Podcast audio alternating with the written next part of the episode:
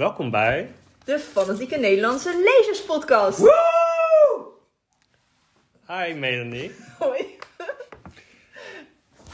Ja? zijn hier vandaag om de eerste podcast op te nemen van de Fanatieke Nederlandse Lezers. Ja, zeker. Wij ehm, zijn twee eh, moderators bij de Fanatieke Nederlandse Lezersgroep. En we vonden het wel leuk om even samen terug te kijken op het eh, boekenjaar. En dat gaan we nu zo meteen doen. Maar eerst gaan we ons even voorstellen. Misschien wil jij beginnen? Ja, nee, dat is goed. Ik eh, ben Henk van Vliet. Ik ben 30 jaar oud. Ik ben accountant in het dagelijks leven. Ik woon in Den Haag. En eh, ik hou erg van lezen. Vooral toen ik eigenlijk afgestudeerd was. Toen dacht ik van, nou ja, wat vond ik vroeger nou echt leuk om te doen? Eh, en dat was lezen. En dat was in de studie een beetje vervaagd. En ja, toen ontdekte ik eigenlijk door Melanie Goodreads. En toen ging het snel. En nu lees je inmiddels hoeveel, hoeveel heb je dit jaar gelezen? 120 boeken, Melanie. 120 boeken, mensen. Even een intern applausje. Oké, ehm, ja, ik ben Melanie. Ik ben eh, ook 30 jaar en ik werk eh, op een peuterspeelzaal. En ik schrijf ook verhalen voor kinderen. Eh, dus daar vind ik ook kinderboeken heel erg leuk om te lezen. En historische fictie vind ik bijvoorbeeld heel leuk. En ehm, ik vind het ook heel leuk om op Goodreads rond te kijken wat andere mensen lezen. En lekker er een beetje over praten. Vind ik heel leuk om te doen. Ja, en nu gaan we dat dus doen in de podcast. Dus welkom iedereen. Ja,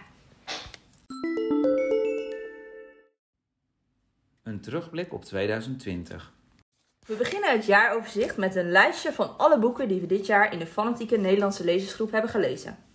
Januari, Kruistocht in Spijkerbroek van Thea Beckman. Februari, Geachte heer M van Herman Koch. Maart, Het Hoge Nest van Roxanne van Iperen. April, een keukenmeidenroman van Catherine Stockett. Mei, De meeste mensen deugen van Rutger Bregman. Juni, The Priory of the Orange Tree van Samantha Shannon. Juli, Daisy Jones and the Six van Taylor Jenkins Reid. Augustus, Het portret van Dorian Gray van Oscar Wilde. September, The Hate You Give van Angie Thomas. Oktober, De schaduw van de wind van Carlo- Carlos Ruiz Zafón. En in oktober lazen we ook De Boekhandel van Teheran van Marian Kanani. November, Bram Stoker, Dracula. December, A Christmas Carol van Charles Dickens. En we sloten het jaar af met De Leeuw, de Heks en een kleerkast van C.S. Lewis. En Melanie, van deze boeken die we in de groep hebben gelezen, welke is je het meest bijgebleven? Eh, ik denk bij mij eh, de boekhandel van Teheran. Omdat we toen natuurlijk net moderators waren, dus dat was allemaal nog een beetje nieuw. En dat was het eerste boek wat ik zelf helemaal meeluisterde en waarbij ik de moderator van de groep was. Eh, ik vond het wel een interessant boek en er stond- ontstonden ook leuke discussies. Er waren ook eh, leden die zelf weer vragen aandroegen. Dus. En daar heb ik best wel wat dingetjes van meegenomen, wat ik heb onthouden. En dat vond ik echt een leuke discussie. Want Waar ging het boek over? Het boek het gaat over. ehm, er is dus een boekhandel, wat dus een, een grote rol speelt in het boek. En daarin ontmoeten twee mensen elkaar die van elkaar houden. ehm, tijdens de revolutie in eh, Iran. En die raken elkaar op een gegeven moment raken ze, raken ze elkaar door omstandigheden kwijt. En het is een verhaal wat zich aan de ene kant afspeelt in het verleden. En aan de andere kant ook in de toekomst. Of tenminste, in een verder punt in de tijd. Mhm. En ik had verwacht dat het ook wel heel veel over de geschiedenis ging, maar het is eigenlijk wel vooral een romantisch boek. Maar er zitten wel wat eh geschiedenis dingen bij en het is zeker geen cliché romantisch boek. Leuk, dat klinkt heel eh, interessant. Ja, het was een leuk boek om te bespreken samen, vond ik. Nice. En jij? Ja, ehm, ik denk dat het Rutger Bregman is. De meeste mensen deugen. Hij heeft ook de NS Publieksprijs gewonnen van dit jaar.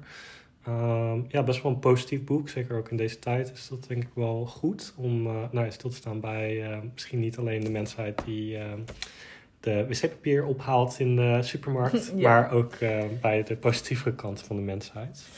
Ehm, ik was zelf wel een klein beetje kritisch misschien op het boek. Ik heb het denk ik 3,5 sterren gegeven. Omdat nou ja, je kan alles natuurlijk van meerdere kanten bekijken. En soms kiest Bregman wel echt heel duidelijk één invalshoek. Ja. Maar een heleboel van de experimenten die je misschien kent, zoals bijvoorbeeld de gevangenen-experimenten, en dat mensen in een paar dagen eh, nou, heel wreed worden als je eigenlijk eh klasse- en krachtverschillen introduceert, die worden eigenlijk ontkracht door hem als zijnde, nou ja, dat zijn dingen die voor artikelen in een bepaalde manier geconstrueerd zijn, maar niet echt zo ehm, in een normale setting zouden gebeuren. Dus eigenlijk een heel hoopvol boek en eh, ja, ook wel een passend boek misschien in dat opzicht voor 2020. Ja, interessant. Ik wil die ook echt nog een keertje gaan lezen. En wat jij zei dat jij het 3,5 ster had gegeven. Ik heb dat andere boek ook 3 ster gegeven. Maar dat vind ik juist zo leuk aan Goodreads. Dat een boek wat je gewoon in je eentje had gelezen was misschien gewoon, nou, wel een leuk boek, maar niet iets heel bijzonders. Maar juist Mhm. doordat je het met anderen gaat bespreken, wordt het eigenlijk heel interessant. Zeker. De beste boeken van het jaar. Naast de groepsboeken hebben we natuurlijk ook zelf boeken gelezen. Dus het leek ons ook leuk om stil te staan bij wat we daar het beste van vonden. En om terug te kijken op het afgelopen jaar. Ehm, als ik zelf begin, ehm, begin van het jaar heb ik Virginia Woolf Orlando gelezen. Een ehm, boek wat eigenlijk gaat over een tijdloze eh, persoon. Want eh, de persoon verandert ook halverwege het boek van geslacht. Ehm, die eigenlijk door de geschiedenis van Engeland heen reist. En eh, nou ja, Virginia Woolf is niet echt een makkelijke schrijver. Ehm, dus ik zou zeker niet zeggen dat het ontspannend is of ehm, makkelijk om te lezen. Maar het was wel echt een boek waarin heel veel vreugde zat. En ook wat je doet nadenken over gender en identiteit en de geschiedenis. Dus ik vond het echt heel boeiend. En ik snap ook wel waarom Virginia Woolf eh, zo populair is. Nog steeds. Ehm, wat is een boek wat jou is bijgebleven, Melanie, van afgelopen jaar? Ja, ik ehm, vond uh, Alphabet bijvoorbeeld een heel leuk boek. Dat is dus een kinderboek, helemaal mijn genre. Eh dat is een prentenboek van Charlotte Dematon, die ook wel bekend is van eh, het boek Sinterklaas, wat nu trouwens eh geband is uit de, winkel, door de, uit de winkels. Maar eh, ook Holland is heel bekend van haar. En zij doet eigenlijk ja, eh, prentenboeken helemaal zonder tekst. Mhm. En ze heeft het hele alfabet ehm, vertaald naar ehm, prenten.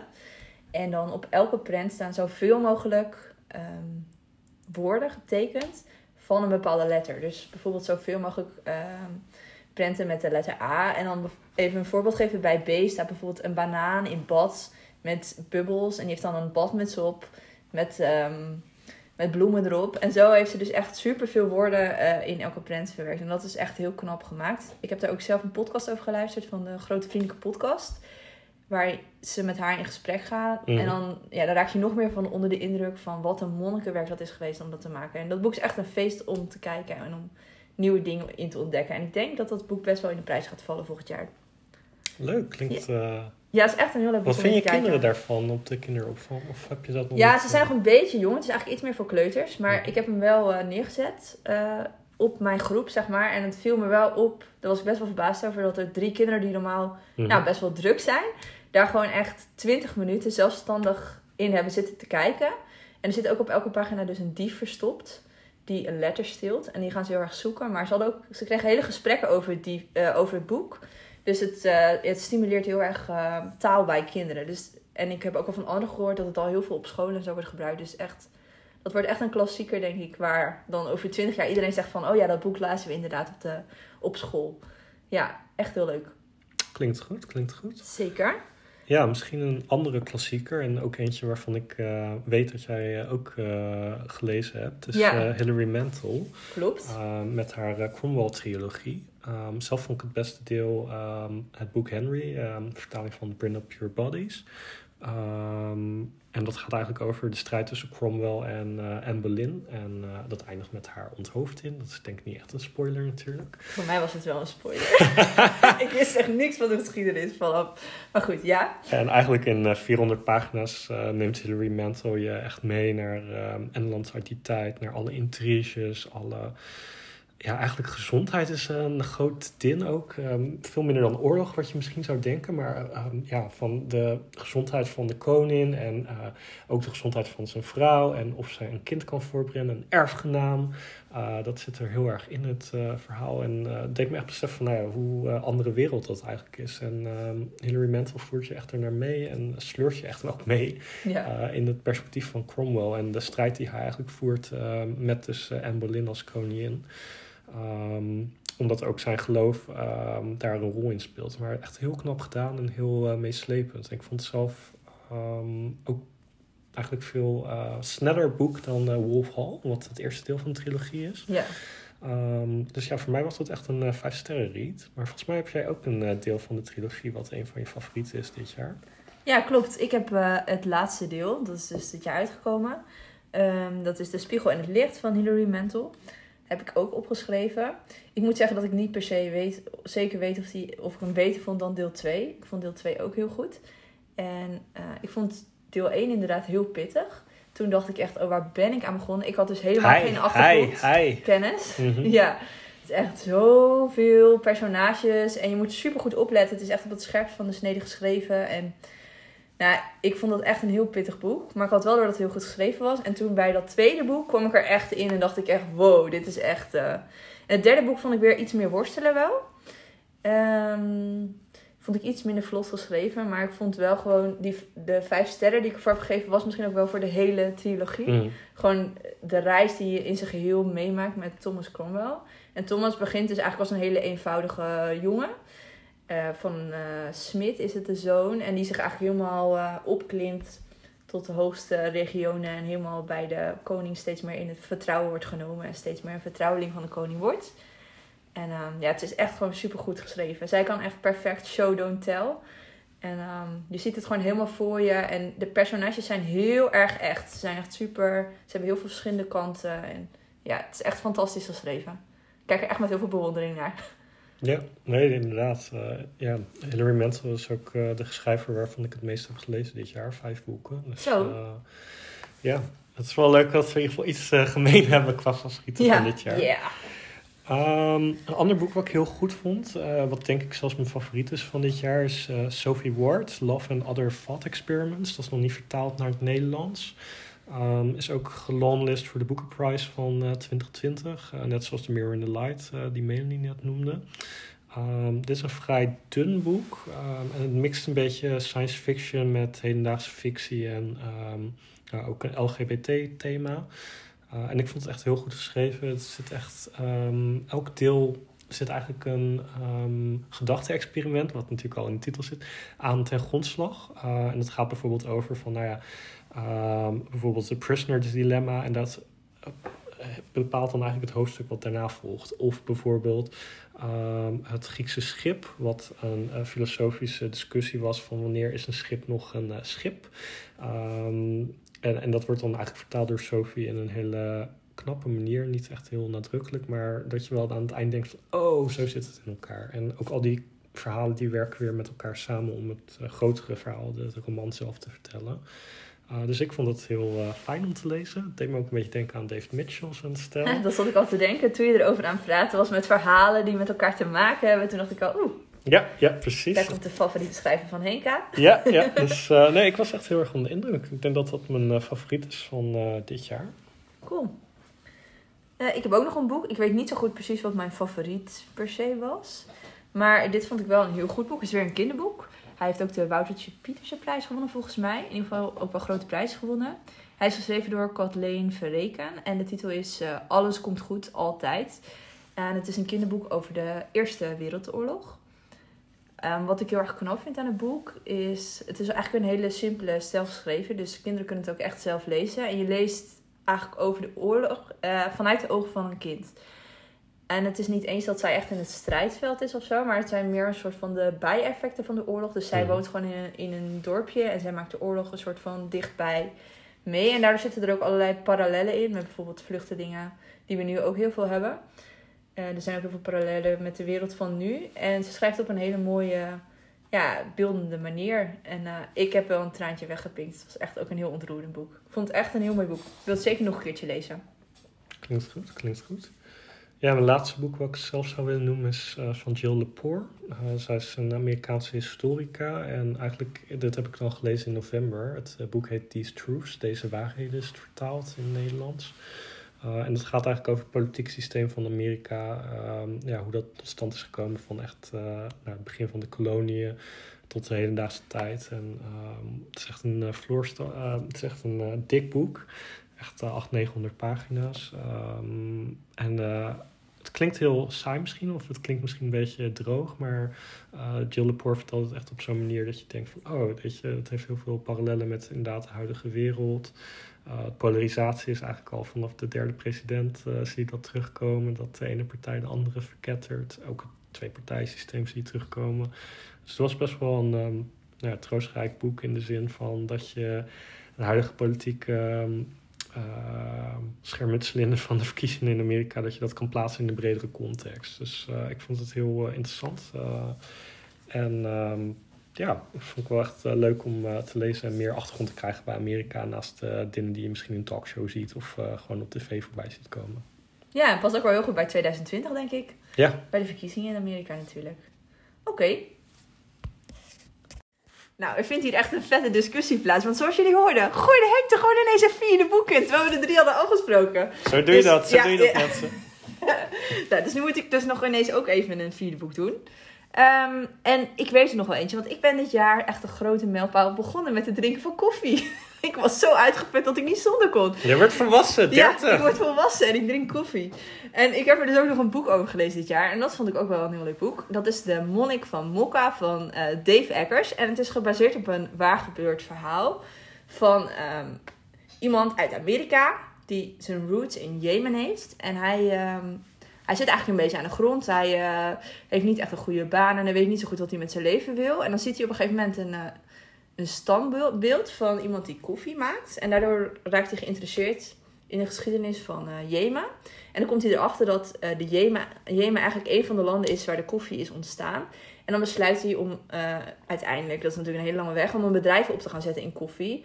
Maar, en dan gaat hij ook he- heen reizen naar Jemen. Maar daar is natuurlijk oorlog, dus dat is allemaal heel ingewikkeld. En het is een heel interessant boek, want je leert heel veel over koffie. Eh, over de oorsprong van koffie. En ik keek er eigenlijk best wel simpel naar, maar dat is dus een, eh, een heel delicaat product waar heel veel verschillende dingen bij komen kijken. En het is ook heel interessant omdat je iets over de geschiedenis van Jemen leert. Ehm, nou, het is ook een heel leuk boek. Vond ik ook een aanrader. En hij heeft een hele mooie cover. Dus je moet sowieso even de cover opzoeken. Zo, nu heb ik ook vier boeken. Goed zo. Goed zo. Het slechtste boek van het jaar.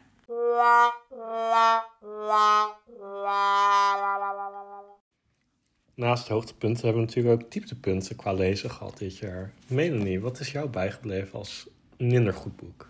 Oké, nou, we gaan het gewoon elkaar benoemen. Het slechtste boek van 2020. Wat zou dat zijn vandaag? Nou, ehm, even denken. Het gaat bij mij om een thriller die ik heb gelezen in de zomer. En die heet Veenbrand. En is van de bekende thrillerschrijver Karin Vossum. Waar ik verder nog nooit wat van had gelezen. En hij werd gepromoot als een literaire thriller. Mhm. Maar het was eigenlijk helemaal geen thriller. Dus het grootste probleem met Was dit wel boek was... literair. Nou, daar kom ik zo op. het, gro- het grootste probleem met dit boek was, was dat het niet spannend was. Mhm. Dus ik had eigenlijk hele verkeerde verwachtingen bij het lezen. Ik, ging, ik dacht echt, ik ga iets spannends lezen. Maar het is meer een psychologisch verhaal over hoe iemand tot een, eh, tot een moord komt. Mhm. Ehm, dus je weet eigenlijk ook al vanaf het begin eigenlijk wie het heeft gedaan bijvoorbeeld. En dat psychologisch wordt heel lang uitgelegd. Het was een beetje saai, vond ik. En het was dus ook echt helemaal niet literair. Want het voelde best wel cliché in de, vra- in de, in de schrijfstijl. Er was bijvoorbeeld een eh, mannelijke, mannelijke, zo moeilijk woord mannelijk, mannelijke detective. Die alleenstaand is. Hij heeft een hond. Mhm. En eh, hij kan de zaak maar niet eh, loslaten. En hij zegt dingen als... Het gaat bijna altijd om de relaties tussen mensen bij een moordzaak. Ik weet niet, het was echt... Ik werd er een beetje misselijk van. En eh, ja, dat komt er wel een beetje op neer. Nee, ik vond het echt gewoon geen goed boek.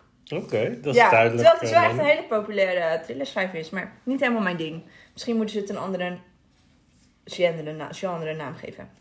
Maar goed, jij hebt ook iets gelezen dat je dacht... Nee, dit is absoluut niet mijn ding. Nee, klopt. Ik heb maar één ster ehm, review gegeven dit jaar. En dat was eh, voor J.D. Salinger, de Catcher in the Rye, de Vanner in het Gaan. En dat is een eh, klassieker uit de Amerikaanse literatuur. Ja, heel bekend. Ja, Holden Caulfield, die eh, opgroeit en van school wordt getrapt, om het maar zo te noemen. En ik vond het gewoon een heel naar boek. Hij is echt een heel erg typische tiener. Misschien als je het als tiener leest, dat je het dan wel betekenisvol vindt en boeiend vindt. Maar eigenlijk gebeurt er niks. Hij leert ook niks, eh, in de meest letterlijke zin. Eh, hij komt ook iedereen random tegen in New York, terwijl dat toch best wel een grote stad is. En uiteindelijk leidt het gewoon nergens toe, voor mijn gevoel. Dus ik eh, vond het echt een tegenvaller. Ik had me best wel op verheugd als een klassieker. om het voor het eerst te lezen. Maar ja, uiteindelijk heeft het niet geleverd wat ik ervan had verwacht. Jammer. Nou ja, dat zit er ook tussen, hè. Mhm. Door de dieptepunten kennen we de hoogtepunten. Laten we maar even zo'n cliché er nog in gooien. Nou, goed gedaan, Karen. Heel mooi. Goed gedaan. Een vooruitblik op 2020. 2021 komt eraan. Wat? Zeker.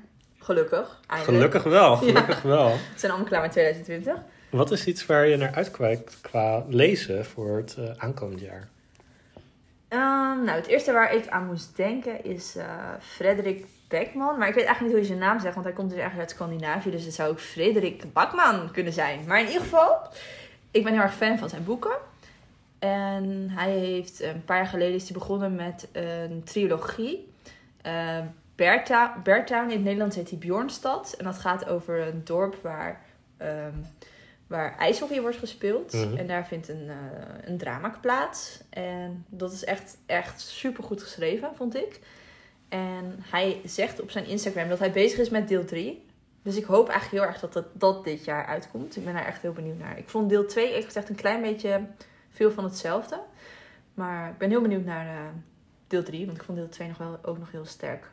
Het begint al heel, heel sterk, dat boek. Het eerste boek, om even een idee te geven. Het begint dus met ehm, eh, dat, dat er een, iemand het bos inloopt. Een pistool tegen iemands hoofd aanzet en de trekker overhaalt. Dat is zeg maar de eerste zin. En dan begint het verhaal. Dat is het volgende hoofdstuk. Dus het, ja, het is echt, echt heel goed gedaan. Ja, en het gaat over eh, sport heel erg. En nu ben ik zelf helemaal niet zo'n sporter of dat ik heel erg sport kijk op tv. Maar het gaat heel erg over eh, hoe het je ook inderdaad mee kan zijn gesport. En hoe het heel erg meeslepend is en mensen kan samenbinden. Maar het gaat juist ook heel erg over de duistere kanten van sport. Ehm, en ja, ik, vind- hij schrijft het echt super mooi op allemaal. En hij pakt allerlei grote thema's aan. Ik, eh, ja, ik vind het echt super goede boeken. Dus ik ben heel benieuwd naar dat boek. Is hij ook de auteur die dit jaar met eh Angstige Mensen uit ja, klopt. Dat heb ik ook gelezen. Mhm. Ja. Dat, ja, dat vond ik dus ietsje... Daar werd ik iets minder door gegrepen. Maar heel veel mensen vinden dat wel heel leuk. Dus ik weet nog steeds niet zo goed hoe dat komt.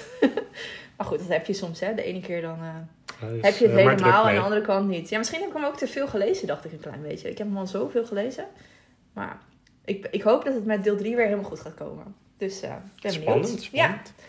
En eh, waar kijk jij naar uit? Ben ik ook wel heel erg benieuwd naar Henk. Ja, ehm, ik kijk uit naar Clara and the Sun. Dat is van eh, Kazuo Ishiguro. Dat is de Nobelprijswinnaar van een aantal jaar terug. Ehm, ja, hij is geboren in Japan, maar hij woont nu in Engeland. Eh, en hij keert met dat boek terug naar science fiction. Het zou als het goed is in het voorjaar 2021 worden gepubliceerd. Ik heb hem ook al besteld, dus ik hoop wel dat ik hem krijg, ondanks de brexit. Ehm, ja, en, en wat ik al zei, eh, Kazuo Ishiguro is misschien ook wel bekend van Never Let Me Go. Wat ook wel is gelezen in ehm, de groep, in de Fantieke Nederlandse Lezersgroep. Daar is ook een film van, toch? Ja, wat ook verfilmd Ja. is met eh, Andrew Garfield onder meer. Die eh, nou, heel even Spider-Man heeft gespeeld. Dus daar kan je hem ook van kennen. Ah, Oké. Ehm, en eigenlijk, ja, dat, dat is ook al een klein beetje science fiction. Het gaat dan over orgaandonatie. En dit boek gaat eigenlijk over eh, artificial intelligence, wat natuurlijk ook een heel hot topic is. Ja. En ehm, nou ja, hoe dat eh, levens kan beïnvloeden, is nog niet heel veel van bekend. Maar eh, ja, het genre spreekt me heel erg aan. En ik vind Kazuo Ishiguro ook echt een hele goede schrijver. Dus ik heb er hoge verwachtingen van. Dus ik hoop dat het ook zo uitkomt. Ja. Nou, ik ben ook benieuwd. Wil je nog één keer de titel zeggen? Ja, Clara and the Sun van eh, Kazuo Ishiguro. Ik heb geen idee hoe het in Nederlands zal worden vertaald. Maar eh, ook de cover ziet er echt eh, prachtig uit als je hem ziet. Dus eh, ja, ik ben heel erg benieuwd. Even googelen. Nou, en ik wil nog even één ding zeggen trouwens, van ehm, wat ik net zei, van ehm ehm, Beartown, zeg maar. Die boeken zijn trouwens iets duisterder dan zijn andere boeken. Die zijn nog maar iets meer humoristisch. Dus dat is Mhm. misschien nog wel goed om te weten als je eraan begint. Het is qua sfeer heel anders dan zijn andere boeken. Wou ik nog even zeggen. Nou, ja, dat was het eigenlijk hè. En dan is het nu tijd voor het laatste onderdeel. Wat gaat dit jaar brengen voor de fanatieke Nederlandse lezersgroep? Yes. Nou, ik heb zelf in ieder geval heel veel zin in de fanatieke Nederlandse lezers. Challenge, dat is een hele mond vol, maar het is ook een hele grote challenge. Heel mooi gedaan door Evie. Echt super leuk om te zien hoeveel enthousiasme er ook is van alle mensen om ermee aan de gang te gaan. En echt uh, shout-out voor Evie om het zo goed geregeld te hebben. Dus daar kijk ik echt naar uit. Ja, ik uh, kijk ook wel uit naar het, uh, naar het nieuwe maandboek wat eraan zit te komen. Troje.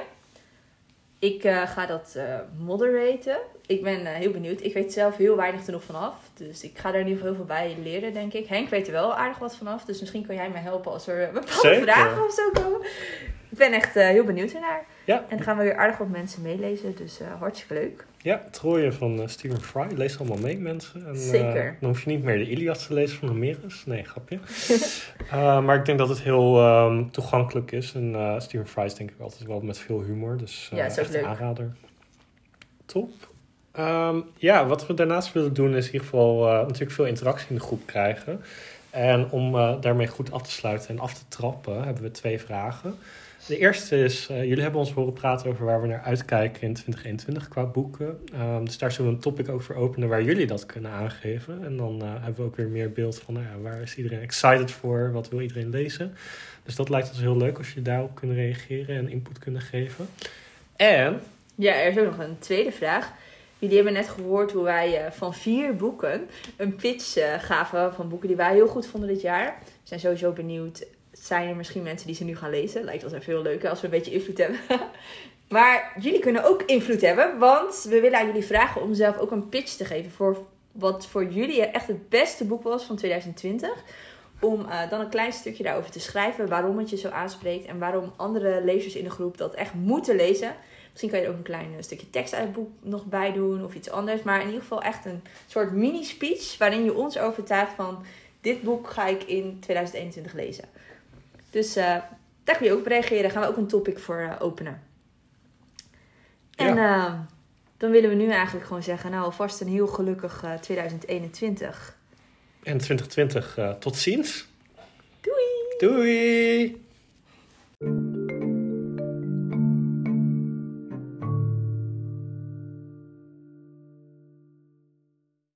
De